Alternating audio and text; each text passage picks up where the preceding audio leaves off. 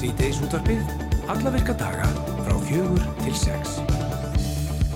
Og það er Guðrún Dís Emilsdóttir og Rafnildur Haldarsdóttir sem að stýra þætti dagsins. Mikla hefur komið upp í um 30 grunn- og leikskólum í Reykjavík. Melaskóli er einn þessara skóla og unni er að leiðum til þess að bregðast um miklu í skólanum og framkvæmdir gætu hafist í vor. Líklegt er að framkvæmdir á húsnæði skólans muni taka einhver ár og ekki leikur fyrir hver eða hverjar af þeim tillögum um endurbætur sem að laðar hafa verið fram verði fyrir valinu. Bjarni Magnússon, formaði fóraldrafélags meðlaskóla, segir stjórnfélagsins hafa áhyggjur á stöðumála en hann kemur til okkar á eftir. En auk þess þá ætlum við að vera í sambandi við Hörpu Fönn Sigurðansdóttur sem er búsitt á Spáni en hún er í stjórn SUM sem eru samtökum áhrif umhverfis á heilsu. Við fengum ábyrtingu á dögunum varandi gæludýrin, hvort að staðan hefði breyst eftir COVID. Það er að það séu fleiri dýr sem þarnist skjóls og heimilis en áður, áður var. Dýrahjálp Íslands er félags sjálfbóðulega sem leitast við að sjá dýrum sem þarnast heimilis fyrir skjóli og stopna til þess uh, dýra aðkvarf, þess að vinna því. Og frá stopnum félagsins í mæ 2008 hefur Dýrahjálp Íslands aðstóða tæplega 8000 dýr í heimilisleit. Sonja Stefansdóttir og Valgerður Valgersdóttir, þær eru uh, í stjórn Dýrahjálpar Íslands og Sonja er þar frangatastjóri. Er alltaf að koma til okkar og ræða þessi mál. Dreymið þið um að gera eldhúsið að þínu með einföldum breytingum? Aðstafa og vinnuskipulag það skipta öllu máli þegar að kemur að því að, já, í eldhúsinu það sem við eigðum bara góðum hluta á deginum. Og svona hljóðar auðlýsing frá Endurmentun Háskóla Íslands sem, en þar verður bóðið upp á kvöldnámskeið um það hvernig við gerum eldhúsið okkar enn betra og þægilega og svo sem að þar mun auðsa úr sínum viskubrunni er Elisabeth Borgþórsdóttir og hún ætlar að koma til okkur eftir og, og segja okkur svona, já, pínu frá því sem hún ætlar að fjalla um þarna á þessu námskeiði Já, nú í, uh, það var dreyður umsóknum um reyndiraveiðileifi í beinu streymi á vefsíðu umhverfstofnuna núna á lögadaginn og áður hafði það komið fram að það sóttu færi um leifi en árið þar á undan og Jóhann G. Gunnarsson, hann er umsjónamaður reyndiraveiða hjá umhverfstofnun.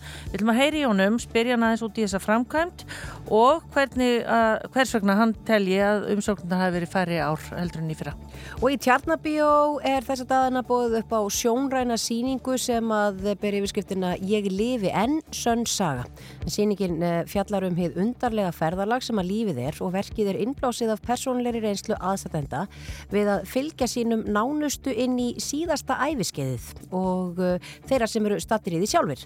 Og það er byggt á sögum, vinnusmiðjum og rannsóknarvinnu með eldri borgurum með stuðningi Reykjavíkuborgar. Þórei Sigur, Þór, nei, Sigþórsdóttir afsakið er einn höfundaverksins og hún ætlar að koma til okkar og, og segja okkur frá þessu eftir. Já, en það er ekki á hverjum degi sem á, á Íslandi er stofnan í flugfélag og á dögunum fekk Heli Air Æsland útlitað EHF, útlitað nýju íslensku flugrestrarleifi hjá samgöngustofu.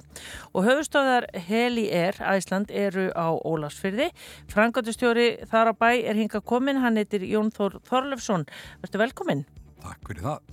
Og til hamingju. Já, til hamingju með þetta. Takk fyrir það segð þú okkur aðeins frá þessu, þessu flugfélagi Já, þetta er sérst flugfélag sem sér hefur síð þyrlurekstri og ætlum að, að fljúa þyrlum í framtíðinni um landið og miðin. Já, og akkur er það staðsett á Ólafsfyrði? Því að við erum uh, partur eigand og hófnum er, er sagt, búsettur á Ólafsfyrði. Það er svona grunnhugmyndin við að vera þannig og svo náttúrulega bara fallegu staður og gaman að fljúa það. Þannig að við ætlum að gera út þyrlu bæður frá Reykjavík og Ólafsfyrði Já. í framtíðinni. Þannig að það verður alltaf fullt að tækja verður þar bæði náttúrulega í skíðafluginu, mikið skíðaflug þarna þessu svæði og svo er kannski líka bara komin tíma að vera með þyrlu á, á Norðurlandi allt árið sko. Já, þannig að myndi þið jafnvel, já, bregðast við ef að, já, svona eins og landtekkiskeslan mögulega ef eitthvað svoleiðis myndi gerast? Nei, sko, við megum það eru nekki. Við þurfum að vera með sér þyrlur í það ef við ætlum að vera sjúkraflugi, en kannski framtíðinni. Já. Það væri alveg gaman sko. Já. En þetta er nú kannski aðalega bara svona fyrir fólk sem vil ferðast og hafa gaman, hafa gaman og, og fara á skýði og þess að það sko. Já. En er þetta fyrir venjulegt fólk? Alltaf ímyndum að sér að þyrluflug, þetta sé bara eitthvað fyrir ríka og fína fólki? Þetta er fyrir alla sko. Og það breytist rosalega með hérna gósunni hérna í ferðarsvelli. Þá fór fleira fólk að fljúa uh, í kjölfarið því og það einhvern veginn opnöðs kannski gáttur áttur sem þetta var ekki þetta, þetta, þetta kostar þetta peninga. Þetta er kannski ekki eins brjálæðislega dýrt og fólk býst við. Þarf ekki að vera biljar mæningu til að fljúi þyrlu sko. Nei, það er ekki þannig. En hvað kostar þyrla? Því þið voruð að kaupa þyrlu Já, og má kannski ekki koma með alveg kaupverði, ég veit það ekki. Jú, já, það er ekkert kannski launungamál en hérna eh, svona þyrla eins og við eigum eh, í dag kostar svona kannski 450 miljónir. Já. Og Þannig- hvað er pláss fyrir marga? Sex farþeg og eitt fljóman. Já. En það þarf þá að fara nokkuð marga ferðir, Jón Þór, til þess að vinna upp í þessar 450 miljónis. Þannig að einhver til reikni þá væntarlega með, já, bara mjög blómlegum business. Já, já, við gerum það alveg og það er, businessin er bara búin að vera frekar góðu síðustu ár í þessum bransa og hérna við erum fullir bjarsinni og það að þetta verið mjög gott. Já, uh, bara ef við tökum aðeins svona einn hefðbundin túr, segjum bara frá Reykjavík, Hver, hvert er farið? Eða þú veist, ráðið þið því eða velur Já, fólki sér? það er svona bæði og. Við reynda núna gerðum nýtt í vetur að því að við erum alltaf svo rosalega veðurháð og ef við erum að bóka flug, fólk vil fara á hengil eða reykjanes eða eitthvað og þá getum við kannski ekki farið út á veðri, líku bara þóka yfir eitthvað þess að þar. Þannig að við ákveðum að breyta til og, og buðum upp á ferði sem við köllum að vera pilot special eða flugmanns, flugfætt dagsins eða hvað sem við köllum það. Og þannig að við bara ákveðum morgunum farþegunum hvert við erum að fara og það hefur gefið sér mjög vel. Til dæmis þannig að við tökum 90 myndum ferð þannig, þá eru að fljúa upp í kvalfjörð og góðum glím á leginni þar sem eru stórfenglur í lofti og förum þaðan upp í uh, langjökul og stoppum þar. Þannig að þá fær fólk útlingun fyrst sérstaklega gaman að gota farið og, lappaðum og jökli. Svo þaðan er farið bara uh, yfir þingallarsvæði sem er alltaf líka stórfenglegt að sjá á lofti og lendum inn á hengilsvæðinu. Þannig að þá sjáðu jarðvarman þar og svo flógið það til Reykjavíkur. Já. Hva, hva, hvert myndur þú segja hlutfalli væri útlendingar eða ferðamenn versus Íslandingar? Það er, allir sé ekki alveg 80% útlendingar, 70-80% útlendingar. Já. En svo erum við líka í sko verkflugum og þá erum við til dæmis höfðu verið svolítið að leggja göngustíga. Þá erum við að fara á svæði sem eru jafnvel viðkvæm eða erfið yfirferðar, eins og esunni. Þá fljúum við bara inn með síló sem eru með möli og bara beint yfir göngustígin. Þannig að það er bara sett beint onni það sem hann á að vera. Þannig að það er engin tæki eða neitt sem er að gerast í kring og gerist mjög hratt. Þú veist, Nei. þeir eru með svona einhverja ramashjólburur til að fara eða einhverjar svona vélrannar hjólburur til að fara upp í upp fjálsliðina. Mm. Það er mjög hægt en þannig gerist þetta mjög hratt. Já. Já, þetta er spennandi. Já, þá við verðum að spyrja þig sko, því þú, þeir sem þekkja þig, þú ert búin að fást við ýmislegt á lífsleðinni. Allt í, alveg. allt í hennu ert orðin eigandi flugfélags Hva, og orðin þyrluflugmaður. Já, Hvað gerðist þarna í... ég bara einhvern veginn fekk þessa hérna, hugmynd í höfuð að ég þyrst að verða þyrlubundi. Já, Ég semst var að vinna fyrir hérna Kardashian og semst Kanye West vorum að gera hérna verkefnum með honum og þá flög ég þyrli fyrst skiptið og bara í flugtak það var einhvern veginn bara ég verði að gera þetta hverjum degi, þetta er bara alveg geðið. Byrju, flögstu þyrlu bara svona eins og... Nei, ég var farþegi sko. Já, ég ætla að segja, ef- þú fengið að rífi stýrið. Já, nei, nei, ég var bara farþegi sko, mér fannst þetta bara svo stórfengleg tilfinning að taka á loft. Já, Þannig að árið setna var ég komin til Svíþjóður í nám. Já. Þannig að þetta er þeim að kenna og ég samt sko fattaði bara ekki nú seint að þau höfðu látt að borga þetta. já, í rauninni. Það hefði verið, Og hefði ekki fundið fyrir því. nei, það hefði ekki breytt. En, En, en, þetta er dýrt nám, er það ekki? Jú, ég semst var með rosa fínt Excel-skjál og ég held að það verið komið 12,5 miljón þegar ég hætti að fylla út í það. Já. Mér fannst það ágætt. Já. Þá var þetta bara, var þetta orðið gott. En já, með öllu var þetta eitthvað, held ég. En eru, veistu, eru margir þyrluflugmenn á Íslandi? Já, það er alveg mjög margir þyrluflugum með. Uh, uh, margir búin að læra þetta, uh, það er kannski ekki eins margir sem eru að vinna við þetta og fljúa dagstælega, en hérna, það er alveg trútt. En það er ekki hægt að læra þetta hérna á Íslandi, þannig að það fara allir út. En getum að byrja þá strax að þú veist, vinna upp í skuldina eða hvernig virkar þetta? Verðum að vera náttúrulega Já, já. námið alveg þegar maður getur Já, já, að vinna. algjörlega. Og hérna, en það er kannski þegar maður er svona gamall að byrja þá maður ekki hugsaði þannig að Nei. Nei, maður, var meira bara einhvern veginn að gera þetta. það var bara eitthvað, einhver köllun. Já, þetta var eitthvað svona, alltaf, var augrun, mikil augrun að gera þetta og fara að læra svona fullorðin, strempin ám var, þú veist, bara læra læra, basically, sko. En í varandi að þú varst aðeins að tala um uh, það væri ekki hægt að fljúa þyrlu hér alla daga, vantarlega út af veðufarinu Já. sem getur nú verið, já, getur gengið á ýmsu. Hvenar bara er alls ekki hægt að fljúa þyrlu? Það er kannski með skik, skikni er það sem hefur mest áhrif fyrir okkur þegar við fljúum allt í sjónflugi, þannig ef það er ekki, ef það er láskíðað eða mikil ofan koma þess að það fljúum ekki. Þannig, og ekki myrkri, við fljúum ekki myrkri. Nei, Það er mjög mikið beðið um hvort við getum farið með fólk sko norðurljós sem færi á þyrlu. Já.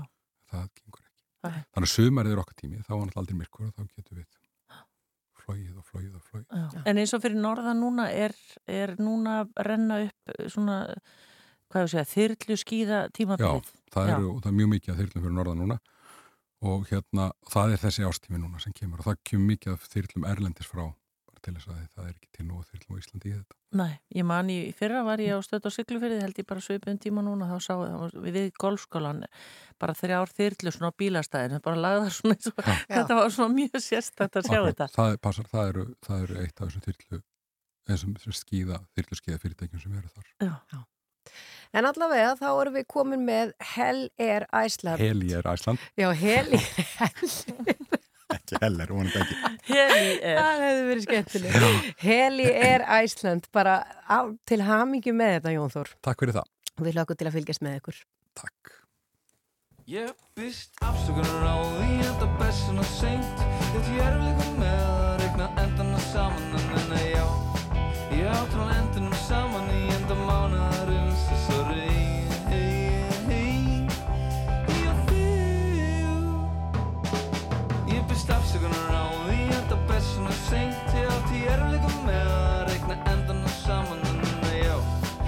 ég átrá endunum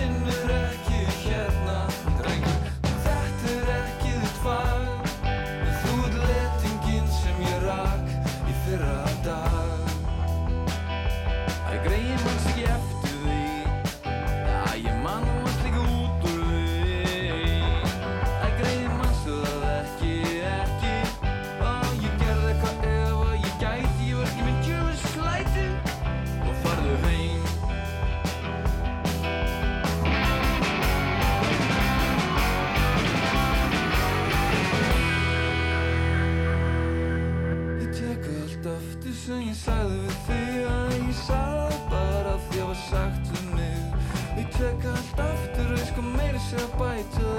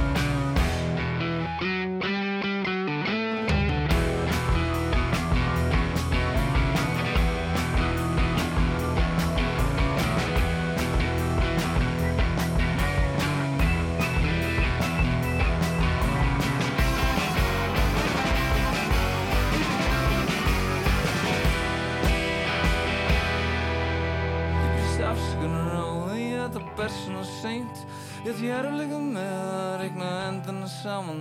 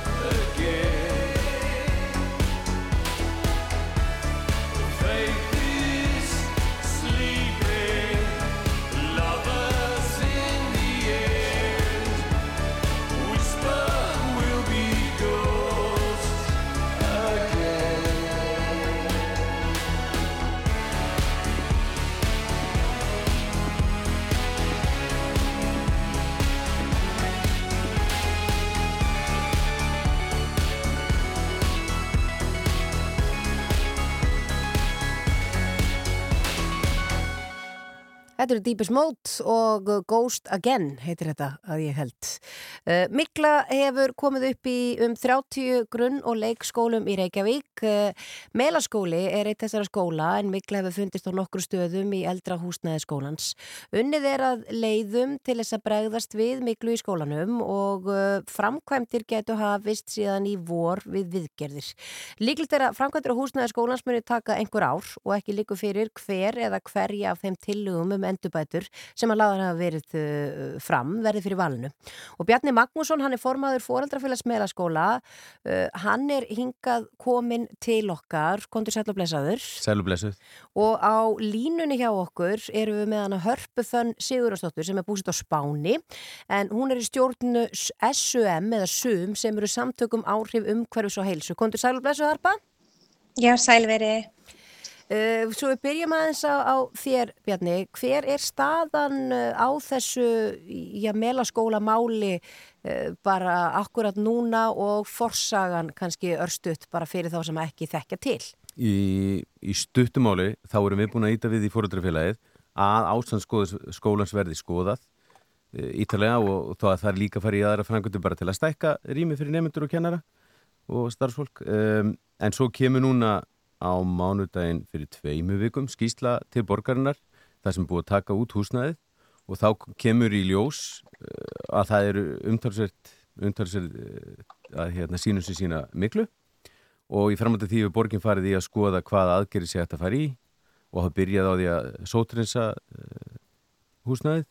Og næstu skrifir þá er raunin að bara ákveða hvernig framkvæmt áallum verður svona þetta er það sem ég best veit Já, en vissu þið eitthvað fyrirfram eða þú veist, eru börnin eitthvað byrjuð að kvarta eða hvernig byrjar svona Ég að rúla? veit, ég hef heyrt af nokkurinn tilfellum, örfáum, tveim, þreymur, Já. sem er að ræða við, við skólaugvöld um að, mögulega. Já. Þannig að það er ekki mikið. Fórætturinn hafa sínt meiri, uh, hafa spurt meira um hvernig, hvar skólastarfi yrði ef að það raskast. Hafa meira ágjörði að nefndunum sé að fara úr hverfinu heldur en af öðru. Já. Harpa, svo við snúum okkur aðeins af þér uh, af því að uh, eins og við vorum að segja, Mikla hefur fundist í um 30 grunn- og leikskólum í, í Reykjavík. Uh, þið sem að eruð í stjórnsum, leitar fólk til ykkar varandi þessi mál og líka þá kannski bara hvernig einkenni eru að koma í ljós hjá börnum og þá starfsfólki við svona aðstæður? Já, það hefur verið að leita til okkar og kannski meiri trúnaði og, og í rauninni kannski frekar þá með svona ráðlíkingur í huga hvert það getur snúið sér. Ef það hefur grun um eh, ákveðna kannski vanlíðan hjá barninu sínu sem gæti þá verið að orsakast út af miklu. En það hefur oft verið alltaf erfitt uh, að fara lengra með málinn nema það séu komin upp ykkur nokkur tilvik. Þannig að það er oft einhvern veginn, kannski það sem við ræðulegjum fólki fyrst er að halda ákveðna svona dagbók um einkenni og, og svona reyna að, hvað getur við sagt, svona vera með einhverja vísbyttingu um það að barninu sé að líða ver- innan skólabyggingarinnar, að það sé ekki einhver aðrir þættir sem er semst að valda veikindunum. Þannig að það er svona ímiskref sem fóreldrar geta gert til að reyna svona, um þetta tengja þess að tvo hluti saman Mm. og þar eru við með helstur ágjöf allan á fyrstu skrefunum. Já, þú hefur sjálf reynslu af slíkum veikindum, ertu til að aðeins að segja okkur af því? Já, það, það get ég vel gert. Uh, ég er náttúrulega forkona þessar samtaka vegna þeirra reynslu sem ég hef að rauninni að vera kljást við þessi veikindi sjálf og uh, það hefur sagt í rauninni haft mikla afleggingar á mitt líf til svona langtíma. Það er kannski ekki uh, þegar ég var í miklunni sjálfri sem ég kannski áttaði mig ekki á því hversu mikið þetta myndi hafa áhrif á mig síðan meir. En það hefur verið aldrei svona bakki að bera að glíma við þessi veikindi og þau, þetta er aðalega kannski svona enginin eru kannski fyrst og fremst dálítið lúmsk og þau geta haft áhrif á sem sagt aðra kvilla og aðra sem sagt erfileika sem hún gæti verið að glíma við í heilsutinni eða tengt genu. Þannig að það er líka eitthvað sem kannski hefur ekki alveg mikið, nógu verið sagt mikið á yfirborðinu. Það hefur aðalega verið að tala um þessi öndun að færa hérna, sjúkdóma eða afleggingar og svona einmitt þessi kvef, kvefpasti sem börn eru endalust með ef þau eru í miklu, en það er þessi lúmsku áhrif sem við erum mest svona kannski svona varasum um með börnin í, í mikluðum rýmum, því að þetta eru áhrif sem hafa kannski ekki alveg verið rannsöku nógu vel og eru svona áhrif sem að geta ekki jafnvel haft sko áhrif, enn verri áhrif á þennan viðkvæma hóp sem börn eru. Já. Þannig að maður þarf svona, þess höfum við verið svona varkar með þennan, sérstaklega með þennan hóp, börnin. Uh, Bjarni, nú ert þú formað fóreldrafélags meðlaskóla og uh, börnin uh, eiga munu vera í skólanum er það ekki til vors. Hvað, það er búið að aðhafast eitthvað núna, hreinsa eitthvað, sóthreinsa og annars. Uh, er ekkert uh, óþægileg tilfinning samt að hafa börnin í, í skólabyggingunni áfram? að vissu marki, jú, en þarna verði maður held ég bara að treysta hefbriðs eftirlitinu sem að gaf grænt ljós á að það væri, væri í lægi að vera þarna með þær mótaðisaðgerið sem hafa verið gerðar, sótreinsunin, það eru loftreynsitæki og skólinn þá vinnu með uh, betur loftun eins og hægt er í, í þessu húsnæði. Það ke- hefur komið fram að hagaskóli er, er, er yfir höfu verið að kenna það núna, það er verið að laga hann allan. Það, það er verið að kenna held ég í hluta og svo er að hluta tilbúið að eða verið að setja upp færanlega kennslustofur. Já, Já, en þannig að það er aldrei ástand þarna á þessu svæði fyrir fólk sem er með börn í báðum skólum. Já, En hvað, hvað vonist þið til að, að verði gert? Að því eins og þú segir, þetta verður fram á vorið og svo er ekki búið að taka alveg ákvörnum uh, hvernig endurbæturna verða eða hvaða leið verði farin og einhvað, heyrði maður í fréttum að verður einhver partur á skólanum friðar þannig að það væri nú kannski eitthvað erfitt að, allt, allt ytrabyrðið friðað Já. og hluta innrabyrði þannig að það flækir væntalega töluvert framkvæmdir. já, Það tekur lengri tíma að panta hluti það er að fá samtiki minnjastofnunar þannig að ég held að það sé bara erfitt að spá og, og segja hvað nákvæmlega verð, verði gert en, en þannig að það skiptur okkur mestu máli að, að umhverfið verði bætt til dæmis með betur loftræstingu uh, verði komið vekk fyrir frekar miklu eða frekar raka vandamál í húsinu í framhalda viðgerðum. Já. Harpa, hvað þegar þú heyrir alla þessa umræðu og þið hjá samtökunum, þetta er náttúrulega kannski búið að taka svolítið langan tíma að svona opna augu fólks fyrir alvarleikunum og það, hópurinn lítur að fara sístækkandi sem að glýmir Nei. við þetta. Jú, það er auðvitað alltaf þannig með svona veikindi sem eru svona nýja nálinni, getur maður sagt, að hérna, það er náttúrulega lengi kannski svona festa sig í sessi og verða almennt viðurkend. Og ég náttúrulega verið fyrst var við miklu veikindi fyrir 15 árum síðan. Þannig að ég er orðin ansi sjóuð í þessu. En hérna mér finnst mjög þakklátt að heyra að hérna, skólinn ætla að vera með lofthilsutæki. Það var ekki eitthvað sem viðgengst fyrir meira en tveimur, þremur árum síðan. Þannig að ég er mjög, ég, ég heldur sé bara, ég heldur sé að fara algjörlega rétt að leið þarna í, í meðlaskóla og ég vona að fleiri skólar taki sér sko þetta í rauninni bara til fyrirmyndar. Sko mitt ráði líka ef ég bara bæta við er að sko börn eru mismunandi. Og það eru kannski sum börn sem finna e, bara lítil sem engin enkenni og það er náttúrulega algjörlega frábært og bara og kannski bara aðri þættir einmitt sem spila inn í að, að börnin eru það kannski meira úti við eða eru kannski í sem umhverfi bara dagstaglega, kannski hraustari fyrir jafnvel. En þá er bara mikið að hver fórildi líka hlusti á sitt bann og einmitt haldi dagbók og, og tali við skólaeyfirvöldi. Ég hef heyrt að því að, að skólaeyfirvöldi Reykjavíkuborgar eru orðið mjög meðtekileg fyrir svona einstaka tilfellum og bara sapni sér hugrekki, fóreldri sapni sér hugrekki að tali við skólaeyfirvöldi eða hafa grun á að það er alltaf hægt að finna ykkur leiðir. Það er hægt að færa til dæmis börn úr, úr ákveðnum stofum eða leifa þeim að vera meira úti við og það er alls konar leiðir hægt að fara til að tryggja það að að hérna barninu líði vel í skólan. Kannski bara rétt í lokibjarni að því að, uh, já, hvaða væntingar hafið þið með haustinu að því að mér heyrist að þetta verði flókin framkvæmt ef að ytra innra, eitthvað af innrabyrðinu er líka friða og svona, það taka einhver tíma að gera við skólan og, og greinilegt að borgarir eru öll að vilja gerð að, að, að gera þetta vel. Hvaða væntingar hafið þið með hvar börnin verði, já, hvar þeim verði komið fyrir bara í haust? Ég vona alltaf helst að þau geti verið í skólunum að framkvæmdi gangi hratt og vel fyrir sig. Eh, annars að þau séu í rauninni bara á svæðinu, þau séu ekki að fara að borga hlut á milli, það séu hvort sem þeir komið sér upp færanlega kennslustofum í, í hverfinu eða leiti í annað húsnæði uh, í hverjunu, hvort sem þetta er háskólin eða, eða hagskóli eða, eða hvað. Akkurat það, uh, Harpa Fönn Sigurðansdóttir, takk fyrir að vera á línu hjá okkur uh, frá uh, Spáni og Bjarni Magnússon, formaði fóröldafélags meðlaskóla, takk fyrir komuna í sítyrtbið. Takk fyrir mig. Takk fyrir mig.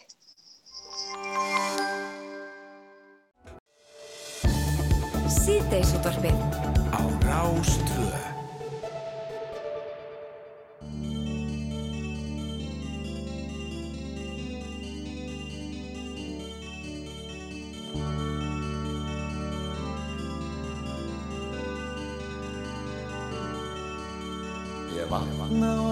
oftast þreyttur Varla með sjálfum ég En ég veit að er til annan líf En það sem ég lifi hér. Og þrá mín hún vakir Meðan þokan byrgir mér sín.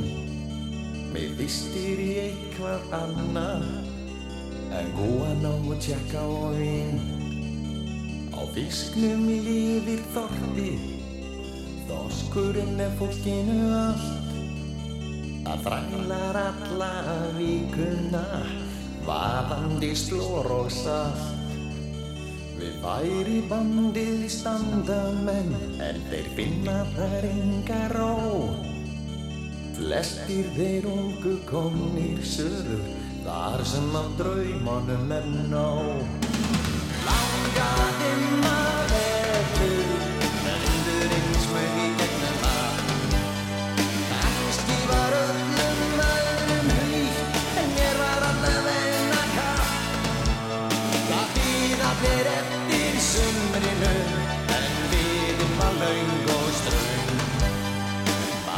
Bátarnir lágu tómir við kæjan Í kynungunum söng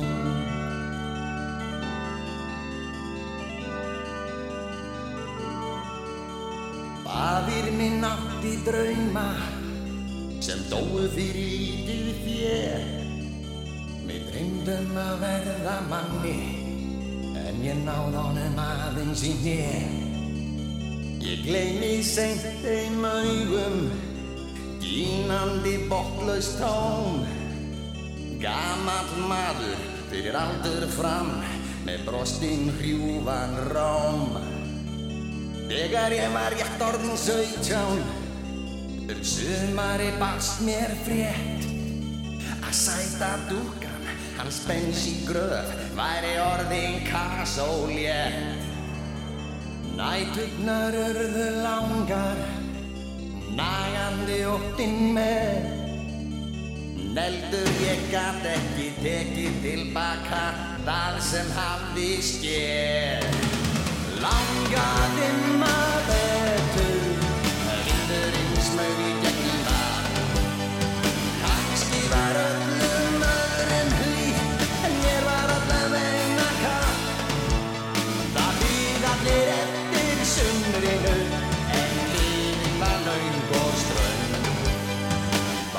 Bátarnir lágu tómir við kæjan Í kynungunum söng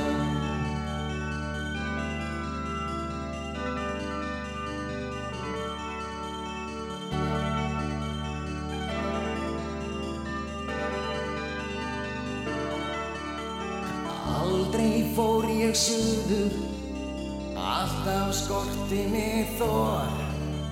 Hvert einasta sumar var því frestað, svo kom haust og svo vetur og vor. Nú er ég kominn á plani og ég pæli ekki neitt.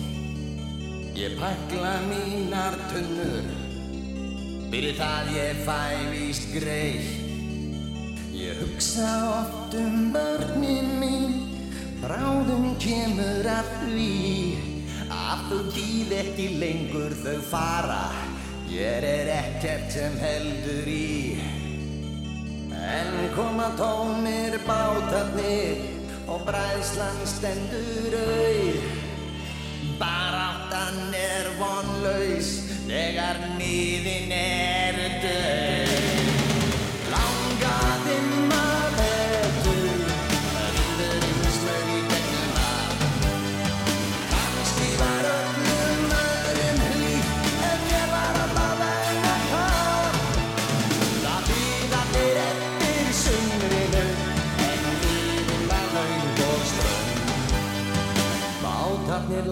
voru tómir við kæja í kynungunum sann.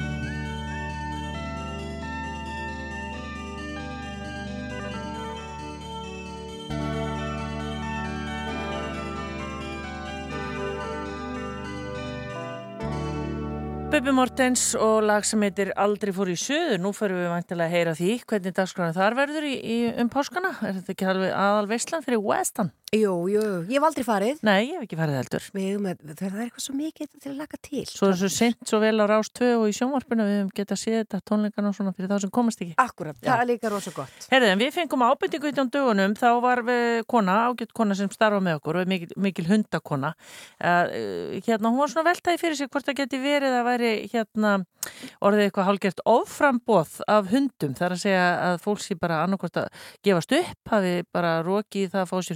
til dæmis í COVID. Mm. Svo kemur upp einhver, kom upp einhver vandræði og svo eru, og þá þarf fólk að losa sér við hundin og líka að ræktendum hafi fjölgað það mikið að nú sé bara uh, orðið og mikið að því, við veitum þetta ekki. Við fengum manneski sem eru að fást við þetta alla daga. Þær eru hjá Dýrahjálp Íslands og ég ykkur nú bara til að kíkin á heimasíðuna þeirra að þið viljið skoða fallega myndir af dýrum.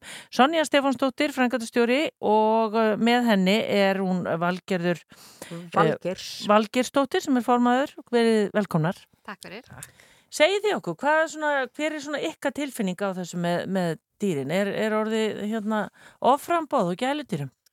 Uh, við allan finnum aðeins fyrir minkaðri eftirspurn á ölsingum heimasíðun okkar en samt alveg ennþá þau eru ennþá að fá heimili. Já, Uh, við erum alltaf með dýr sem er ekki endilega hreinræktuð þú að sé bæði líka auglýst aðeins þar inn á en þetta er svona síðan okkar að hugsa svona sem svona fyrir dýri mikill neyð og við, þú ert ekki að selja dýri sem er auglýst á okkar síðu þannig að við finnum aðeins fyrir hérna, minni eftirspurn og svo erum við bara líka að sjá rosa mikið að dýrum í hérna, auglýst og við höfum talað við ræktendur og aðra sem hafa einmitt rækt þetta það er mikil minkun, þeir voru kannski með 100 manns á byðlista í COVID og svo núna bara, þú veist, þeir eru farin að spája bara vera ekki með góð og þeir eru ekki alveg að trista sér í það, finnst ekki vera næg heimili nei.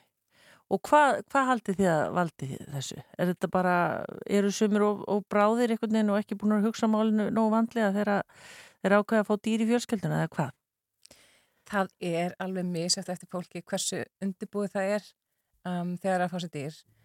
En það sem að sko gerist í COVID var náttúrulega að gerast út um allan heim. Var það að fólk var rosalega mikið heima hjá sér og þá var bara fullkomið tækifæri til þess að taka að sér kvolpi eða kettling, eitthvað svona menni dýr eitthvað, af því að þú, það tekur tíma að senna dýrun og alaða upp fyrsta árið og, og hérna og allt það sem því fylgir um, en það sem var hérna á Íslandi var aðeins öðru sem heldur en í nágrannlöndunum var að í nokkur ár þá hefur fyrir COVID þá var það þannig að það var miklu uh, meiri eftirspurn heldur en frambóð þannig að eh, það var segja, aðeins erfiðara að fá dýr í nokkur ár fyrir COVID heldur en það var fyrir þann tíma Já, og kannski sérstaklega hunda er það ekki? Jú, uh, og ketti líka Líka Já, við erum bara finna líka mun á köttum Já. Mm. Þannig að veist, þessi, þetta vandamál sem kannski ellendis um það að það sé rosalega mikið um þessi í gæsalöpum COVID-dýr sem að er verið að skila í hrönnum að það er ekki alveg vandamáli hér út af því að það er bara, það var hægt að velja mjög vel heimilin sem að dýrin fóru til. Já. Þó að það sé, Núna held ég að mynda að þú veist, þeir sem ætluðu að fá sér hund og voru búin að hugsa þetta rosa mikið, notuðu tækifæri í COVID og fengu sér dýr. Og þá er það eiginlega svona sá met, hérna markað bara orðin svolítið mettur núna. Núna er fólk líka að fara að stað, fólk svona alltaf bara geimi þetta eða gera það ekki þá. Þannig ég held að bara heimilin sé bara að er færra um þau. Og hvaða dýr eru þið uh, að aðstóða hjá dýrahjálp? Öll gældir. Já, hvað, menna, er, þetta, er þetta mest hundar, er þetta mest kísur? Uh, já, við fáum bara hunda og ketti og, og svo erum við búin að fá rosalega mikið af kanínum núna og við vorum líka í þessu stóra kanínuverkefni. Segð okkur aðeins frá því. Það, við fórum í samstagsverkefni með hérna, félaginu Villikanínum og Reykjavíkuborg þar sem við vorum að taka kanínur inn úr dalnum, Elláðal og finna þeim svo heimili. Við bólusettuðum, ormarheinsuðu, geldum þau og erum svo að finna þeim heimili. Og við erum ennþá rauninni að vinna úr þessu verkefni þó sem við erum hægt að taka inn þá erum við ennþá að finna heimili fyrir þær kanínur sem við tókum. En við tókum alveg yfir, við tókum um 109 kanínur. Já, og Ég, ég lappa þetta mjög oft og ég sé kaninur í dalnum. Eru það kaninur sem einhver hefur þá sett út? Eh, Það getur verið, við teljum að sé svona kannski svona kannski 15-20 kanínur eftir í dalnum. Já, Þannig að veturinn í vetur var mjög harður, þannig að mikið af þeim dó þá líka bara. Og hérna, svo erum við að fá tilkynningar, bara næstu einu sinni viku þegar að finnast kanínur sem hefur verið settar út. Og bara, þú veist, þær er ekki fyrir að lífa þarna af, þannig fólk er að gera mikið óleik. Og hvernig, hvernig er staðan á kannunum? 109 kannunur, hvað, hvað eru Það margar er svona eftir? 40-50 sem eftir að fá heimili. Já, það er Og- slatti. og þeir sem vilja skoða það, það er bara að fara inn á heimasíðin Já, ykkar. það eru flest allar komnar inn. Við erum aðeins eftir að klára, þú veist, nokkrar. Það er allavega úrval Já. að velja. En þetta, þetta er sérst dýrahjálp hérna, ég geti séð myndirnar, en þannig eru líka hundar og kettir og allt, en hvar er þetta, er fólk sem að hefur þá samband við ykkur og byður ykkur að koma á framfæri? Já, þú getur bara, hérna, þú getur náttúrulega auglist sjálfur á heimasíðun okkar Já. og fósturheimila kerfið okkar, það er þau dýr sem við tökum til okkar, það er bara dýr sem eru virkilegum bara heimilisvanda og bara vantar heimili sem fyrst og fólk getur enga veginn haft það áfram hjá sér og þá tökum við það á fósturheimili. Að best ef að dýrin geta verið áfram á sínu heimili þá kannski við fá nýtt framtíðarheimili, þá minna flakk. Hva, af hverju eru þið í þessu að vera í dýrahjálp? Eru þið bara dýravinir eða er þetta sjálfbóðaliða starf eða? Já. Þetta er köllun. Af hverju Já, ekki? Já, af hverju ekki? Það er bara að þurfti eitthvað í þetta starf. Já. Og hérna... En hvar eru þið með búrin? Eru þið með aðstöðu eða hvað? Þau eru öll á fósturheimilum, Já, dýrin. já. Við vorum reynda með svona atkvar fyrir kanninar að meðan vorum að taka þær inn. Mm. Uh, mistum svo það húsnaði og núna eru þar allar konar fósturheimili. En almennt sé þá vinnum við allt í fósturheimilum. Já, þannig að þessar 40 kanirur sem eru ennþá eftir, þær eru á, fóst, Heimilum, já. já, á fósturheimili sem að Mhm. þær verða þá teknar af og settar á varanlegt. Já. Hvernig er að, bara mér langar svo að vita, hvernig er að hafa kaninu sem gælitýr? Það er æði. Er það, ertu með? Þær eru svo skemmtilegar, já. Ég er með einn hund og eina kaninu. Og það sem að fólk átta sig ekki á er hvað kaninur eru uh, ólíkar, uh, sérst, ólíki personleikar uh, og hérna það er engin kanina eins og þær geta verið frekjur og þær geta verið ljúfar og þær geta verið fyndnar og þær geta verið skemmtilegar og hérna þær eru, þær lifa miklu lengur heldur en fólk heldur þær eru verða kannski 12 ára. 10-12 ára og uh, sko karakterin hjá þeim er svolítið svona, við höfum oft rætt þetta og þetta er svolítið eins og að vera á milli þess að vera hundur og köttur þú, ert með, þú, get, þú ert með kaninu heima hjá þér og hún verður kassavenn eins og kisa Já, að í alvöru, þú getur já, já. Við erum vanið alla hann á kassavanna það. sem við erum með á auðlustur. það er vilja, það er bara að gera það, það gerist bara sjálfkrafa ef þú ert með eh, svona svo og setur sagt þangað, þá bara fara þér þangað Já. þannig að þú getur verið með lausa kaninu bara heima hjá þér eins og hérna, eins og kött Eða Mhm. þú passar ramasnúr. og þú getur, eða þú passar rammarskunur akkurat, þær, þær hérna stundum klippast í sundur um, og svo er þetta þjálfa þær og það er alls konar það Já. eru mjög klárar Og mjög hvað borða þær? Hei.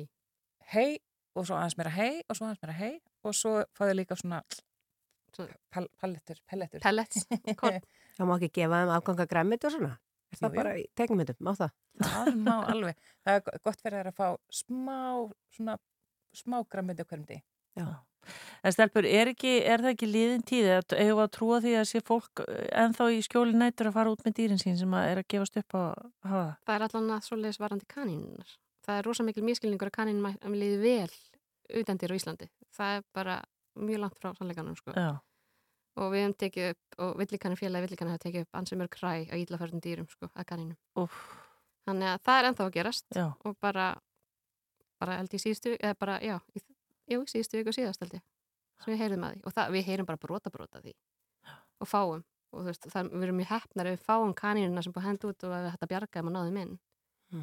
En, en ketti og hunda og hamstra og ég meina, setur fólk þetta út? Eða? Ég held að það nú hafi hamstur Já, við höfum fengið, Það já, er einstaka í gegnum tíðina en almennt ekki Nei. Nei, það er búið að minka mikið. En það hafa, þú veist, fundist dýr úti sem enginn hefur gert tilkall til, sem að fara þá til sveitafélagsins og, og hérna, og við erum í samstarfið mörg sveitafélag um að taka við dýrunum og finna eins og heimili eftir ákveðin tíma. Þannig að niðurstaðan er þessi, það er fullt af dýrum sem að þurfa heimili, Já. endilega farið þá inn á síðuna ykkar.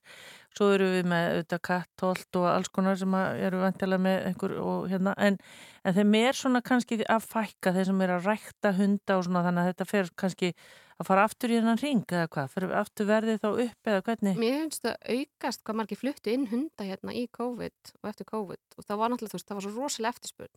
Fólk held náttúrulega myndi bara, þú veist, fá heimili bara strax sem ég veit ekki hvort það sé að gerast. Nei. Svo fer hann líka bara eftir tegundum. hvað Já, er- Hvað er vinsælt hverju sinni? já. Já, eins og það hljómar skrikilega að segja það. fór, þú veist, fólk gæti alveg fengið gæti ágáðan pening fyrir hvern hund, en náttúrulega rosalega vinna baka hverju goti, þetta er gert vel og ábyrgir rektendur. En ykkar starf verðugt og, og, og mjög gott og þarft Sonja Stefánsdóttir Frankóttastjóri hjá Dýrahjálp og Valgerur Valgersdóttir formaður. Takk fyrir komuna og við hvetjum fólk til að fara á dýrahjálp.is og, og kíkja á alla kanir og dúlu, dúludýrin sem hann eru. Settu þína eigin framtíð í fyrsta sæti. Þú mun þakka þér fyrir sparnaðin. Góð þjónusta breytir öllu. Íslandsbanki. Fallegu stúkk og steinefnaspöslin okkar eru þekkt fyrir glæsileika styrk og fáun. Áferðin er sem samskeitalauðs náttúrusteinn og hendar jamt á veggi, gólf og votrými. Sérefni. Dalvegi. Ljúfenga nappapáskaækið með saltkaramellu er komið. Sannkallaður nappafengur. Gleðilega páska. Nói Sirius. Kraftmikliri hitablásarar á ótrúlega lágu verði. Múrbúðin. Gott verð fyrir alla, alltaf. Tax free afslætti af snirtuverum líkur á miðnætti.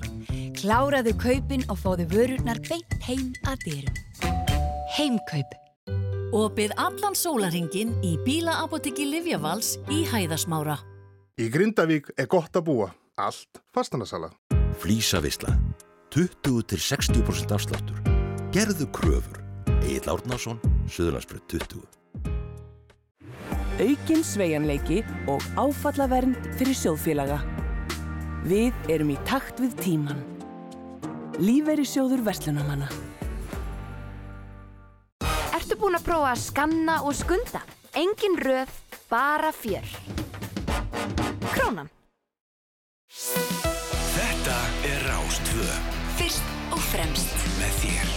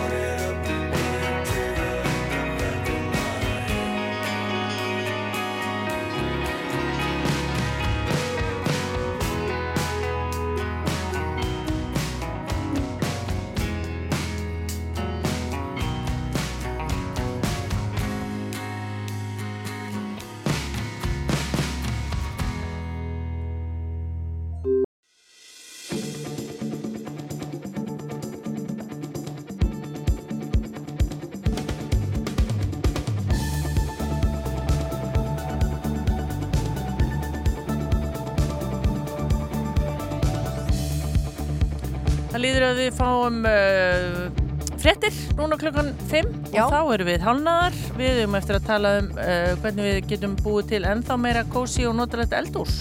Já, og líka bara hvað þarf að hafa í huga ef þú ætlar að breyta eldhúsi eða, já, nútíma væða það og, og gera það að þessum vinnustaf. Eldhúsi er náttúrulega ekki annað en vinnustaf. Nei, talaðu nú fyrir þig. Jú, jú, jú, jú, en ég held að við séum nú öll, við erum öll að geima matvælið þarna og, og skóla og, og gera eitt og annað. Já. Þannig að það þarf að hafa ímynd í huga. Það er ljós og það er byrta og það er bekkjablás og, og svo framvegis og framvegis. Við ætlum að fræðast aðeins um það hérna eftir. Við ætlum líka að fræðast um reyndýra veðir. Halda áfram með dýrin. Já, þetta er svolítið dýra þeima hjá okkur núna. En nú erum við að tala um að, sko... Veiða? Já, já, þetta er, það eru vilddýr, við vorum að tala um gæludýr rétt áðan, þannig að það, þetta, er, er annar lögumál og svo ætlum við líka að forvitnast um uh, nýtt verk, þú ekki kalla þetta verk? Jú. Það? Þetta er verk sem hefur verið að sína í Tjarnabíói og hún Þórei Sigþórsdóttir er einn höfundu þeirra og þetta er um, uh, skal ég þér segja, uh, ég lifi enn. Þetta er sönnsaga, þetta fjallar um með undarlega ferðalag sem lífið er og uh, já, allt um það hér á eftir.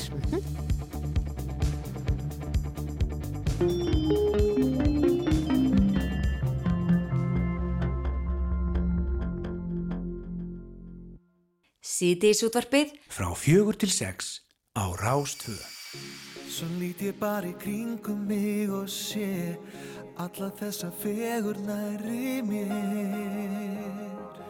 Ég tók því sem gefnu en staldrað aðeins við. Ég er á réttum tíma á réttum stað, hverjum get ég þakka fyrir það. Ég opnaði augun og hjartað fann á ný betra líf. Að því ég fór loks að trúa því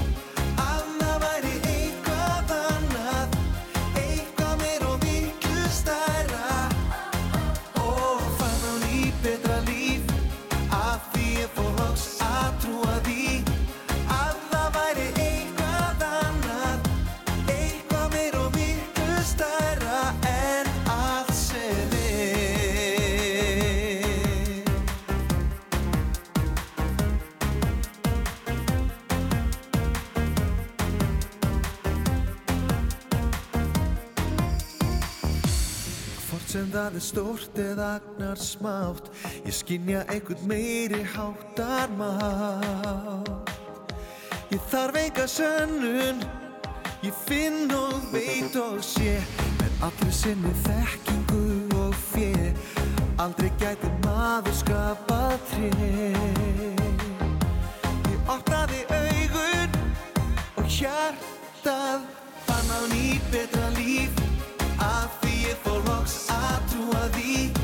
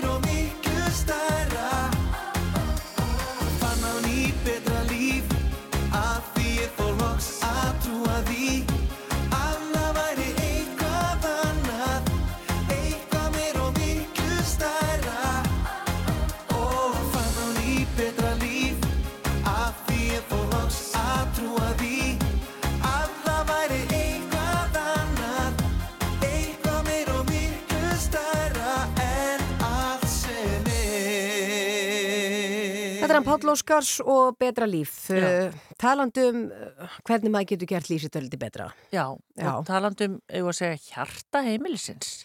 Jú, ég er það ekki svolítið þannig. Þetta Jú. er eiginlega svona samkomu staðurinn á heimilinu og er svolítið hjartað. Já, það, og þá erum við að tala um eldhúsið. Já. Já.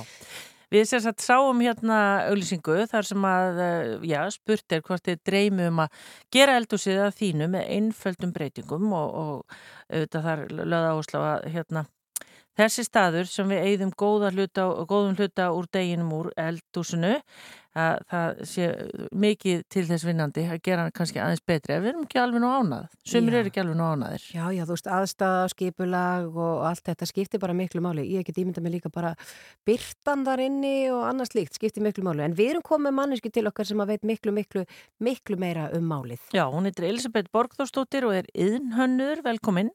Já, takk fyrir. Emilía. Emilia yðnhönnur. Við kannski byrjum þar. Hvað er að vera yðnhönnur?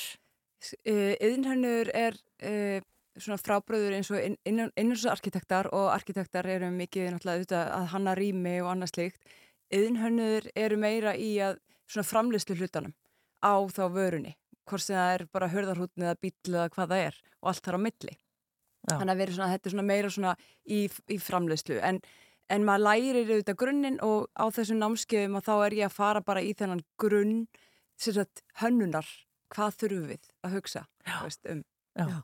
Já, þannig að, veist, þannig að yðnhönnur getur aðstofa manni svona að það þarf ekki að fara endilega í innan hús hönnu eins og margir myndu halda. Ég myndi nú alltaf fara í innháns hönnu eða innháns arkitekta og það, þeir eru náttúrulega eru alveg hérna, sérfræðingar á sínu sviði en, en það er svona, það er svo margskonar hönnun sem er til þannig að ég held að maður ætti bara að fara þá kannski það sem maður svona fittar við hérna, svona þinn, þinn smekk og, og, og hérna og fókus. Já, en hvað er nú svona, hvað ég að segja, mikilvægast að hafa í huga þegar kemur á eldhúsinu? það er flæðið og þá ætla ég að setja sjúkraþjálfara hattin á mig því að ég er hérna, sjúkraþjálfara ment og miðinn hönnun og svo er ég núna að klára, er ég í mastersverk, í masters hérna námi í, í umhversu öllundafræði og það skiptir líka máli að taka þetta bara heildrænt, þú veist. Ef þú er að taka þetta alveg bara þú veist, og hreinsa út, þá myndi ég alltaf fá mér fagmannesku og fá þá innanúsarkitekt eða innanúshönnuð til þess að hjálpa mér við að teikna og, og græja þetta. En svo er svo margt sem við þurfum líka þegar hugsanarferðli þarf að vera komið að stað hjá okkur, áður við förum í það, hvað er það sem þú vilt? Og þá finnst mér sko flæðið, bara sem sjúkarþjálfari, eigum við ekki átt ekki að leta okkur lífið. Mm -hmm. Hvað er að leðlast þegar við vitið? Takur upp þetta helni. Á það ekki bara vera bara, þú þarft ekki að fara að taka mörg skref til þess að ganga frá einu glasi. En- Þannig að það þarf en- svolítið að vera bara raðun í skuffunar áður en þú í rauninni við bara á tekníkunni. En Emily, akkur eru við ekki til dæmis með í fleiri eldhúsum uppþóttavélina í sko vinnuhæð en ekki á gólfinu? Já, það er náttúrulega út af því að þú veist, maður er náttúrulega í rauninni svolítið fljótur að, að vinna þetta verk, en það er kannski meiri borploss. Já. Og þá ertu náttúrulega komið með kannski, en það er alveg í sumum eldusum, er hægt að vinna með það. Og, og það hef ég oft séð, sko, ger, Mm. gert. Já, þú meina það bara forgangsröðunin er kannski svo að þú vilt bara meira borplás og Já. þú fórnar þá þessu með uppþóttavélina sem tekur Já. kannski fimm mjög leðilega myndur. Akkurat. En já, allt til að hafa hana þáttið En maður létt undir með því með því að þá setja þá skúffurnar sem eru, sem taka svona, hvað, 80-90% af öllu, öllu lertöginu, það getur bara verið mjög nálagt, þannig að það þurfur ekki eins og að taka skrefið, þannig að þú sér bara fljótur að, að týna þetta onni í skúffurnar. Já. En þá komum við að skúfunum. Hva, hvað er nú algengast að fólk geri, uh, við hægt er að segja vittlust þar, í skipulagi á skúfum? Nú er orðið miklu algengara að, að glös og svona sér í skúfunum en ekki í skápunum fyrir ofan? Já, ég hugsa bara að þú slisa hætt á heimilin hlýtur að hafa mingað. Þú veist, munið ekki eftir því að þið verður krakkar, alltaf upp á borði, Jú. að sækja sér glas og diska og eitthvað svo leis. Jú. Og núna er þetta allt komið í miklu þægilegri hæð og, og börn geta varðið miklu sjálfstæðri fyrr með því að ná sér í glas og annað slíkt og hjálpa til á heimilinu sem að þannig bara er, kemur bara, skiptir ótrúlega mikið við ekki uppeldisatriði í rauninni, sko. Og svo er þetta, lítur þetta líka að vera að því þú ert nú sjúkarþjálfi, það að það voru alltaf, voru oft bara neðri skápar líka og maður var hérna klöngrast inn í skápar. Ég var alltaf komin hálfur inn sko, hérna út í hotn og, og eitthvað svona þannig að náttúrulega sem betur fyrir hefur orðið rosalega framþróin í þessu og, hérna, og það skiptir bara máli að nýta sér vel og ef ég til dæmis væri núna að fara að kaupa í- svo bara eitt atriði sko, ef við ætlum að kaupa okkur nýjar skuffu einingar eða eitthvað slíkt og ert að fara að raða einingu saman, þá er líka hagraðing að taka sér stærri hérna skuffu einingar, til dæmis 80, kannski tvær, nei hérna, hvað ég segja, þrjár 80 í stæðan fyrir 460 einingar sem ganga upp í sömu töluna Já. og því að það þarf alltaf, sömu, það þarf alltaf að lamir á hver einustu skuffu og eftir sem hún fækkar og breykar skuffunum því, því að til dæmis ódýrar er það. Veist, bara eitthvað svona sem að, maður getur velt upp og, og svo þarf skiptið máli líka að nýta alla innrættinguna eins og til dæmis það kom alltaf svona hérna skápar sem að, maður þarf svolítið að príla í og, og nýtast illa eins og fyrir ofan ískap sem er náttúrulega komið í hvað, 1,70, 1,80 cm hæð.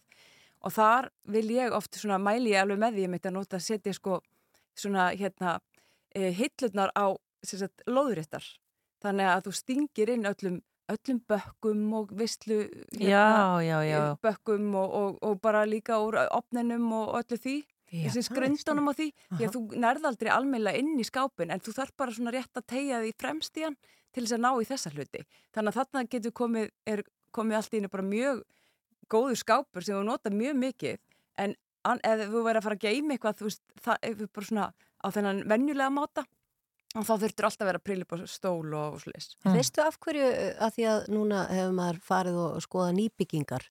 Maður myndi halda það að þú væri með efri skápa þá væri bara stegind að láta það ná alveg upp í loft. En það er oft uh, sem að það er skilið eftir bíl uppi. Og safna bara ríki og drullu. Hva, með hverju mælir þar? Er, er kannski tilgangslust að vera með það upp í loft af því hún nærði ekki þarna upp? Nei, mér finnst frábært að vera með upp í loft og hérna, og, en sumstæðar er náttúrulega þarf að hugsa um formið á rýminu og hvernig það, þú veist, það er náttúrulega léttir á að vera ekki með upp í loft. Já. Þannig að þetta er líka upp, upp á formfegurðina og allt það sem að arkitektar eru að hugsa um, sko. Já. Það er tvennt sem að mér langar að spyrja um. Það er hérna borðpláss. Af því að oft finnst bara fólki ekki nóg mikið borðpláss. Mhm. Er það út af því að við erum nóg mikið að drasli á borðunum eða hvað? Já, en það er svona, ég skil það samt vel, það er þægilt að hafa þetta við hendina og, og hérna, en ég veit ekki, vantar mann ekki alltaf meira borðplast, það er alveg sama hvað maður setur mikið, það er einhvern veginn, maður er alltaf búin að fylla, þú veist, einhvern veginn Mhm.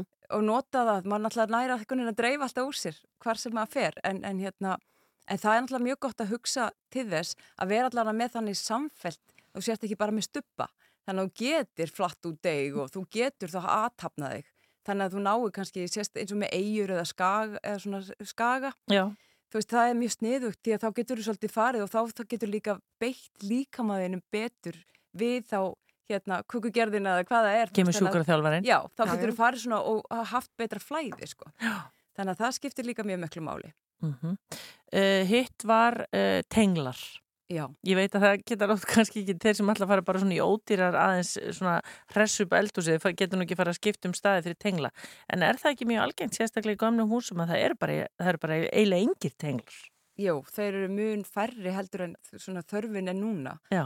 og hérna, ég myndi alltaf taka svona tvo auka ef þú heldur og þurfi þrjá þá þarftu fimm eða eitthvað slíkt eða við heilmikið meira því að þetta er alveg og svo er svo mikið til líka þar það er til svona turnar sem að koma upp úr borplötunum þannig að ef þú ert til dæmis í gömlu húsi þá getur þú fengið rafverkja til þess að þú ert alltaf að fá eitthvað fagmann í það til þess að tengja fyrir þess svo, svoleiðis og getur sett það bara í borplötuna Já, þannig það að er það er líka- með þess að bora, bora út fyrir því á gamallri borplötu eða þú ert að breyta til eða eitthvað slíkt Já, og taland um það, þar maður, ok, það er kannski fólk eins og það byrja að segja, það sem er að núti, sem langar eitthvað aðeins að ditta að, þarf alltaf að rusla öll út. Er ekki hægt að nýta eitthvað gömlu innretningarnar og, og, og gera þær einhvern veginn svona nútímalegri og, og, og þannig að það séu betri fyrir okkur að vinna við? Jú, algjörlega.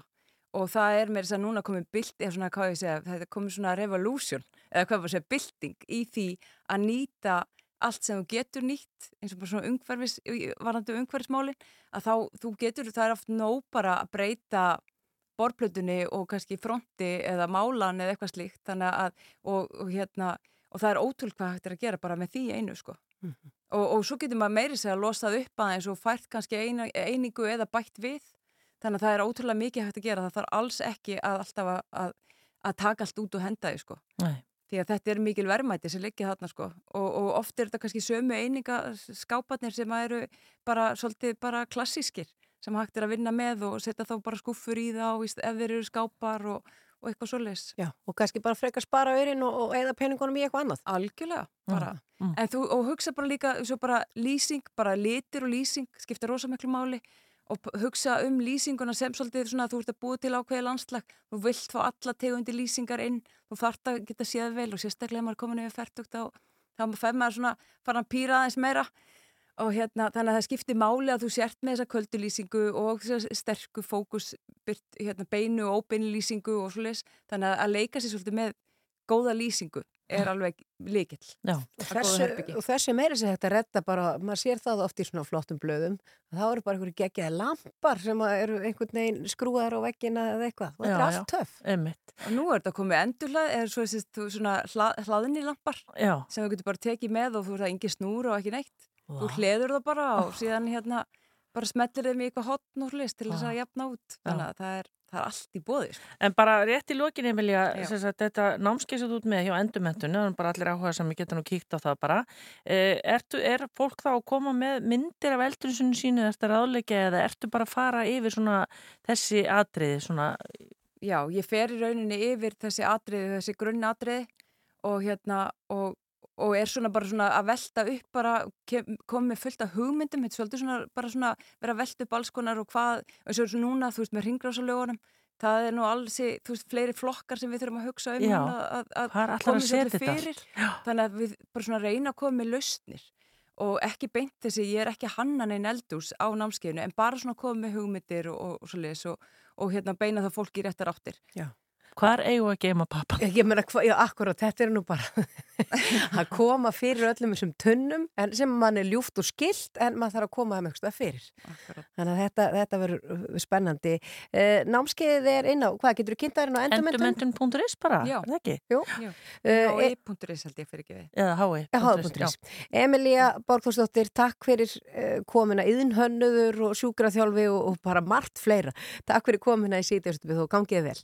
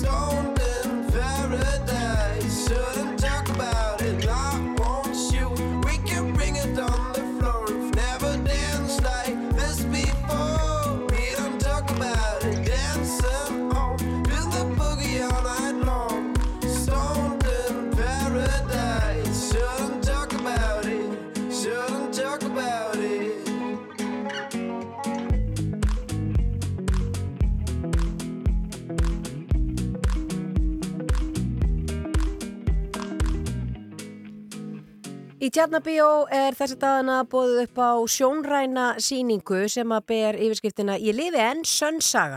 En síningin fjallar um hið undarlega ferðarlag sem að lífið er og verkið er innblásið af persónleiri reynslu aðstætenda við að fylgja sínu nánustu inn í síðasta eðiskeiðið og þeirra sem eru bara stattir í því sjálfur. Og þetta er byggt eh, á sögum vinnusmiðjum og, og rannsóknarvinnu með eldriborgurum með stuðningir Reykjavíkuborgar og uh, við erum komin með þær til okkar Þórei Sigþórsdóttur og Halldóru Rósu Björnsdóttur sem að standa að þessu verki, komið í sælar Sælar, sælar Þetta er, hvað, þetta lítur að vera nokkura, hvað, áraferli eða hvað? Hvernig var þetta til? Já, það, það var það. Við, Rebecca að Ingjum Mundadóttir, við fengum uh, listamannanlaun til að fara af stað með þessa hugmynd og það er svolítið áhugaverð hvernig þetta þróast á þessum tíma því við förum svolítið að stað þetta að sapna sögum frá kynslu sem er að hverfa.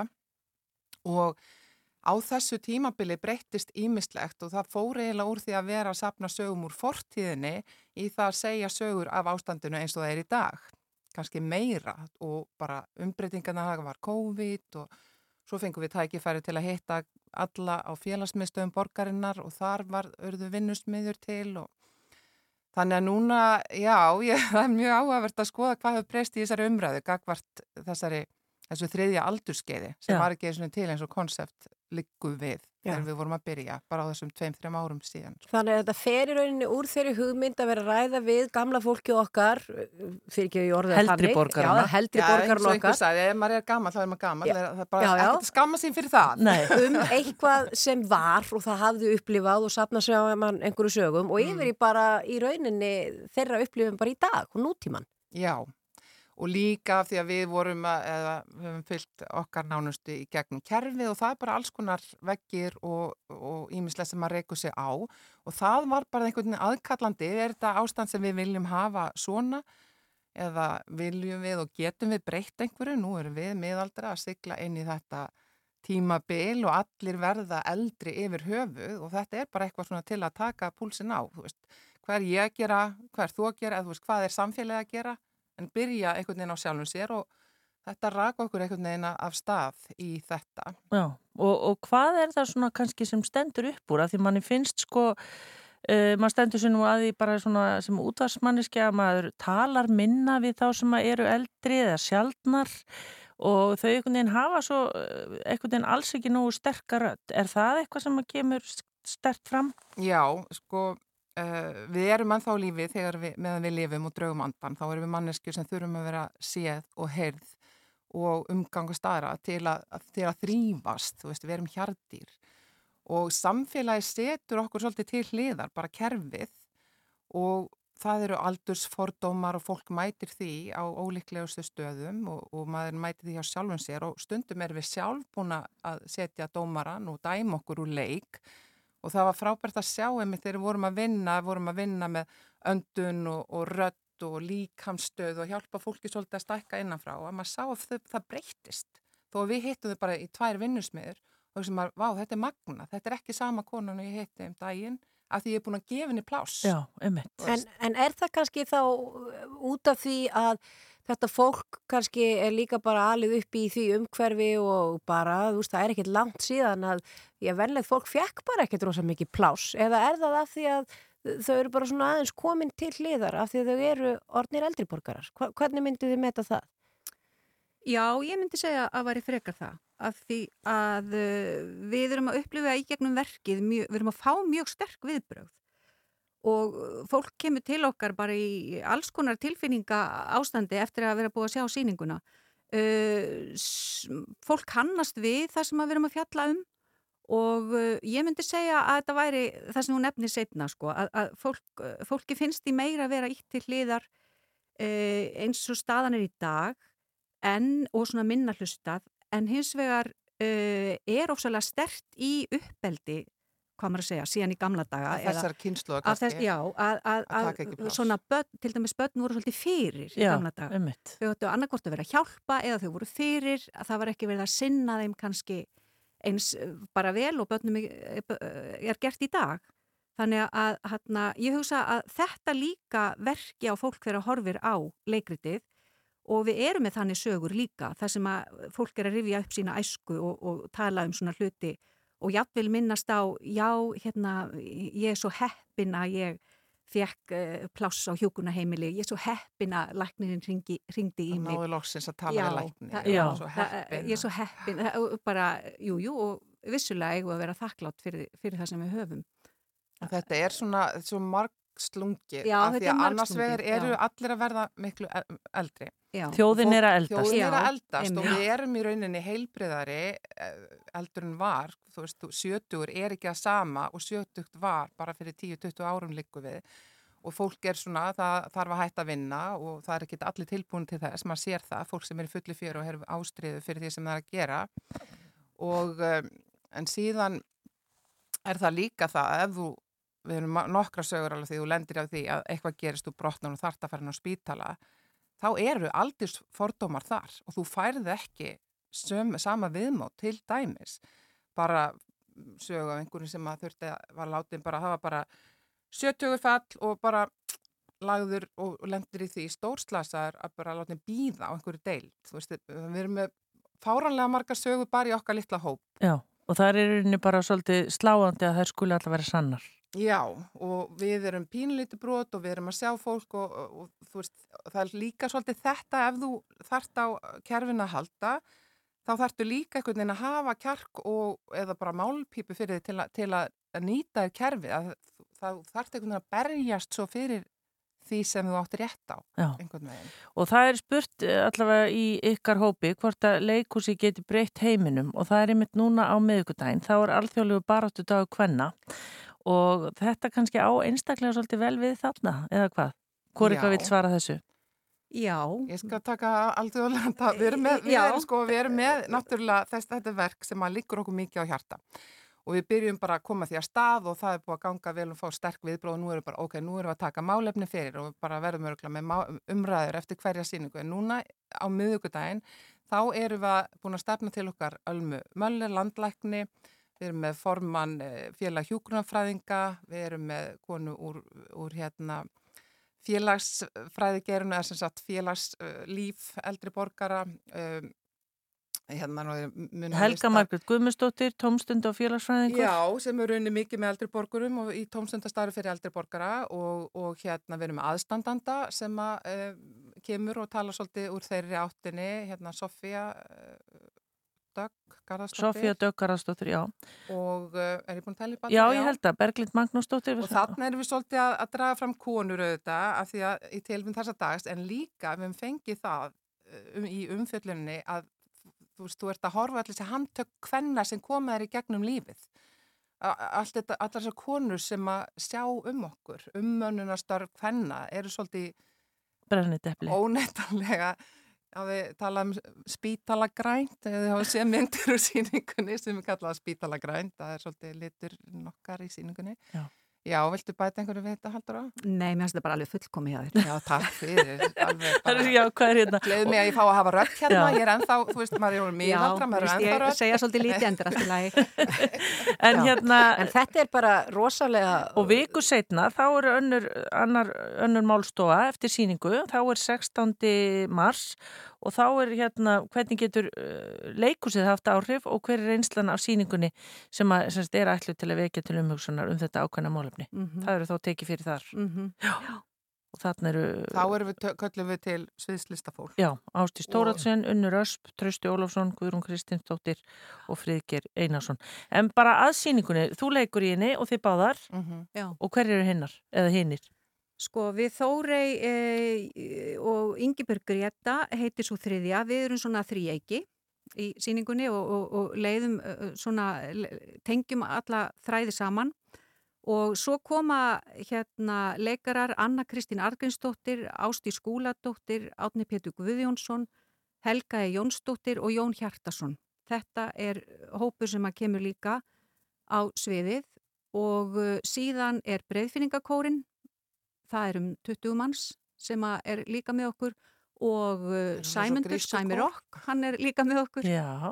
Þannig að það er alveg eðal fólk á ferðinni. Já. Og þetta er í tjarnabíó og allir áhuga samir geta það bara Já, farið og það er eitthvað Já. við þetta, við þetta málefni núna bara er bara tróðfullt Á hverju einustu sýningu. Já, Já, og, að og í já. áttunda er bara, það er setið upp í rjáfur og hérna þannig hvet alla til að tryggja sig með þá 16. ef við komum að halda áfram Og svo ætlið þið bara að halda áfram á meðan húsrum eða með því fá húsið eða hvað? Já, eða, það er náttúrulega, það eru svo sem, það eru nokkra síni, það eru 16. er næsta sem að, og síðan er 27. 27. En við erum svona, ef að fólk mætir, það er bara, þú veist, ef fólk mætir, þá sínum við. En haldið þið ekki eftir að fara bara miklu lengra með þetta því séu orðna bara málpípur núna þessa hóps og ég meina, ég, ég meina Einhver þurft að byrja Einhver þurft að byrja og uh, við erum að ala upp núna kynnslóðir sem að eru aldrei að fara að sætta sig við það að það verði ekki á þær hlustað mm. eitt góðan við þetta alveg næstu kynslu að fá unga fólki líka. já, þannig að við þurfum vantarlega bara Já. öll að standa saman sem samfélag að, að, að á eldriborgara sér hlustað og það hefur eiginlega komið á óvart uh, í, með sýninguna að það er okkar aldur eða svona 50 hérna plus sem að er, hvað maður að segja, að fíla sýninguna eða að kveikja á hvað er í gangi, sem sagt oft aðstandendur og fólk sem er í kringum eldra fólk sem þarf á hjálpa að halda að það er fólki sem að er svona svolítið að kveikja vel á sýningunni Já. en hún er, þetta er svona já, þetta er svona upplifun og hún tekur uh, 70 mínútur í flutningi þannig að umræður eftir sýninguna hafa þetta allt í pláss. Geggjað. Haldura Björnsdóttir og Þóri Sigþórsdóttir, takk fyrir komuna. Ég lifi enn Sönsaga í Tjarnabíói. Takk fyrir komuna og gangi ykkur vel. Takk fyrir. Takk fyrir.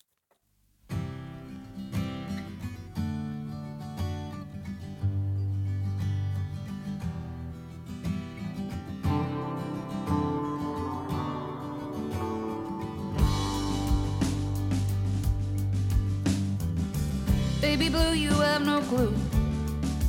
My dreams are still about you. Building castles in the sand with flowers wrapped around you. Yeah, but I still remember you. Maybe I should stop loving you. If that could ever ring true.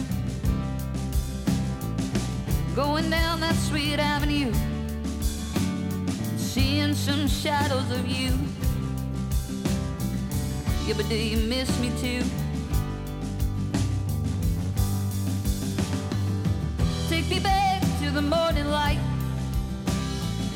where our love shone so bright. Where the story brings me back to you, where I can still hold you. Or I could even make love to you. I still remember your crazy jacket, surrounded by polka dots too. Playing records, they were all dancing. Yeah, but they were all jealous of you. Yeah, but you were with me too. Take me back to the morning light. There our love shone so bright. There the story brings me back to you. Where I can still hold you. Where I could even make love to you. But hold on, king and queens all the stars will fall on you. An old school man still shining her shoes, cause they got work to do. Oh, yeah, but so do you.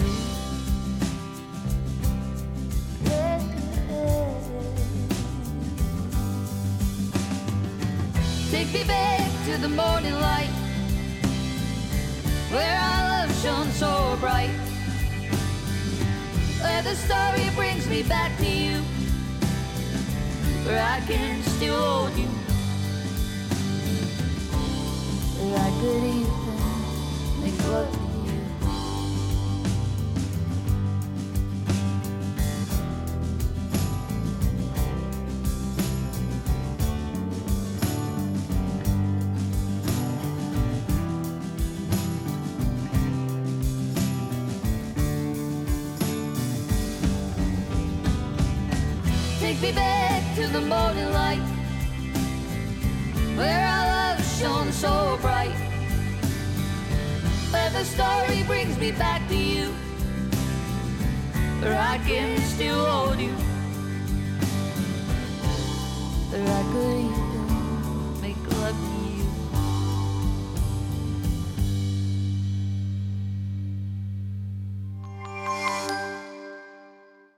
Á leiðinni heim, síðdeisútvarpið. Frá fjögur til sex á Rás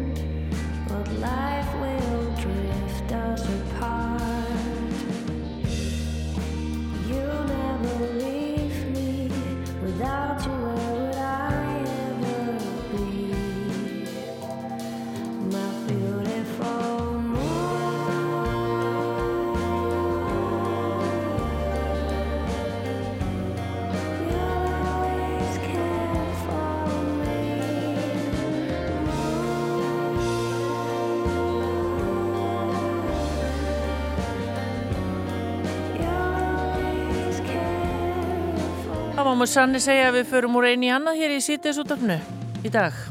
Gunna. Já, heldur betur, við erum nýbúin að tala um uh, leikrit þar sem er fjallað um stöðu eldri borgara Já.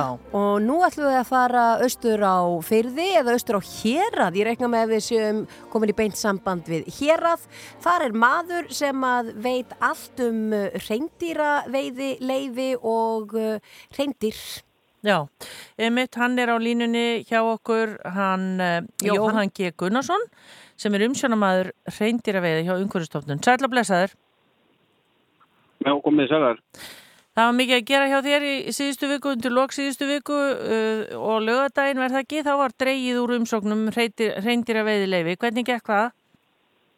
Jú, mikið rétt. Ég að vísu kemur ekki ná, nálagt útrættinum Það er nú hérna svona æðri menn hjá stofnunum sem sjáum það.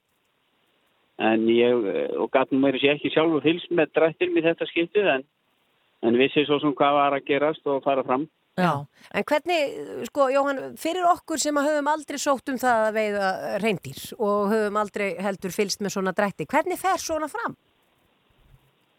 Eh, Sko, það er náttúrulega bara auglýsur umsóknarfrestur sem er, var núna í februarmánuði og rann út síðasta dag februarmánuðar og eh, menn sækja rafrænt í, í gegnum netið og þeir sem geta sótt um og, og þeir gildir í útrættum þeir hafa, þurfa að hafa svo kvöldu ég réttindi sem eru réttindi á, á stóra rifla til þess að geta skotir hindir og til, til þess að komast í þennan markfræga pott það er svona byrjunin Já, og það er auðvitað slegist um ákveðin svæði, er það ekki? Það er einhver svæði betri en önnur. Jú, Já, það, var, það má svona segja það, það er meira, meira sótt um á, á, á sömsvæðin. Nú ef við tökum bara aðeins svona hvernig þetta var núna í ára, þá, þá voru sagt 900, réttur yfirlega 900 leifi sem að sem að er verið að draga um og, og í, í það fengum við uh, tæplega 3000 umsóknir. Já. En það skiptist náttúrulega aðeins svona mismöndi eftir svæðum og svona vinsalast vistist nú vera eins og oft áður að svækja um hérna á svæði 1 sem að er fyrir norðan Jökulsáadal og norður undir norður fyrir Votnafjörð. En það voru þar daldi mörg leifi í bóði að þessu sinni og, og ég held minn, ef ég mann rétt að þá voru upp undir þúsund af þessum þrjúðustum sem komu í, í 200 og, eitthvað, 240 leifi á, á því svæði. Já. Þannig að þar voru líkunar kannski sko í törfunum ekki nema 1.6. Já, við, við vorum eitthvað að lesa fréttir af því fyrir helgi að e, það hefði svona færri sótt um, e, hvað, því þú segir að 3000 um það bil, hvað, er það slæmt 3000, myndur ekki segja að það væri bara ágætt eða hva, hversu margir hafa verið að jú. sækja um hinga til? Já, það var svona aðeins, aðeins minna heldur en síðastlið ár. Eh, Það þurfum nú ekki að taka mörg ár sko aftur en það hefur svona aðeins dreigið úr þessum umsóknarfjölda. Það drót aldrei úr því þegar menn þurfti að fara að skila skotprófið. Það er núna grafist þess að áður nú færð reyndir veið lefið, þá þarf þú að standast, þú er búin að fá útrátt og þá þarf þú að standast hérna skotpróf. Mm. Þá dró nú aðeins svona úr umsóknarfjölda, þetta er aldrei verulega sko þegar það var gert fyrir nokkrum árum síðan. En það voru svona 350, kring, kring 350 umsóknum færra núna heldur en í, heldur í fyrra. Nú uh, það, það mánu svo sem kannski er kannski ekki auðvelt að reikna það út hvers, hvernig stendur á því en, en það getur svo smart spilað þar inn í. Það voru mjög fá leifi á, á, á vinsölu svæði og það sem að margir hafa sókt undanfærin ár, við sveið tvö sem er hérna fljóstaðsegðin og, og hér að það hérna á milli vatna. Þannig að kannski hafa nú margir bara kosið það að sleppa því að sækja út af því að það var svo fá dýr þar í bóði að því að það hafa verið fá dýr núna undanfarið þannig að það þetta nýnka kótan. Já. En svo getur verið fleiri, fleira sem spilar inn í. Veiðilegin hækkuðu dálítið núna. Það er ekki hækkað í nokkuð mörg ár og, og, og hækkuðu dálítið og, og eru svona kannski komin að þólmörkum hjá, hjá mörgum sem að er að leggja í þetta peninga. En það getur spilað inn í og, og svo vitum við náttúrulega bæði ég og þið að, að það er svona eh, allt að hækka í samfélaginu og, og er bólgan á flugi og húsnæðis að borgarnar hafa hækkað og þannig að menn eiga nú sannlega ekkit endalust í pingjun í sportið. Nei, uh, kannski stýriverstinnir hafi þarna eitthvað, einhverju ráðið við. En, en Jóhann, eru erlendir veiðimenn að sækja í þetta? Er þetta fyrst og fremst Íslendingar? Uppistaðan enn og Íslendingar en, en það er sem sagt ellendri veiðin geta sótt um í þennan pott og er þá bara sama grundvelli og Íslendingarnir. Og þeir þurfa þá að, að hafa einhver tengd hingað og, og vera með íslenskan veiðikort að hafa sem ábyrjaman sem er þeirra tengilegur við okkur stofnunna og, og sækja um fyrir þá. Og þurfa að skila inn gögnum þeir til staðfestningar þetta séu veiðimenn sem að sem að hafa hérna tilskilin réttindi og svo fara þeir bara í pottin eins og allir hinnir. Við minnir að vera eitthvað, eitthvað kringum 115 umsóknir frá erlöndum viðumönnum í þetta sinn. Já, ömmut. Það er, verður áhugavert að sjá hvernig þetta verður en reyndýrin verðast nú hafa það gott á Íslandi. Einstakur stopn er það ekki? Jú, jú, það er, þetta er einstakur stofn að þýldum til að hann er, hann er heilbriður, mjög heilbriður. Það er verið svona að gera rannsóknur því síðustu árin og, og hérna, nú margir vildu náttúrulega hafa þau fleiri til þess að fleiri kemur staði hvert sinn til þess að veiða en, en menn verður láta sér þetta næja í núna.